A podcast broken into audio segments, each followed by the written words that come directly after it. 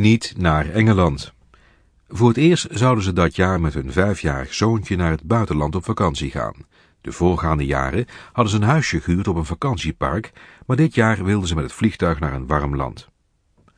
Terwijl de ouders zich bogen over de reisboeken en het ene hotel vergeleken met het andere, merkte hun zoontje op, maar ik wil niet naar Engeland, want ik ben bang voor de mensen die daar wonen.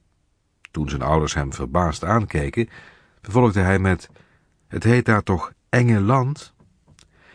Enkele maanden later lagen ze op een wit strand onder de stralende Spaanse zon.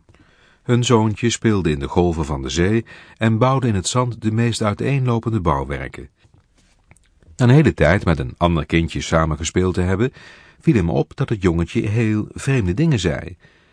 Dat jongetje komt uit Italië en spreekt dus Italiaans, zei zijn moeder. Hij kan jou niet verstaan. Daar had hij nog helemaal niet aan gedacht en hij nam meteen de proef op de som. Wil jij een snoepje? Het kleine Italiaantje keek hem vragend aan, haalde zijn schoudertjes op en rende weg.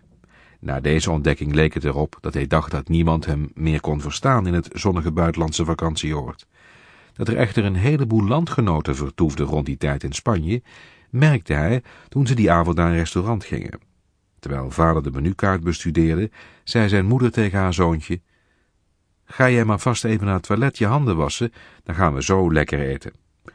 Enkele minuten later klonk er in het restaurant een luid gelach, toen hij zijn kleine door de zon gebruinde hoofdje om de deur stak en riep, Mama, ik heb gepoept, kom je even?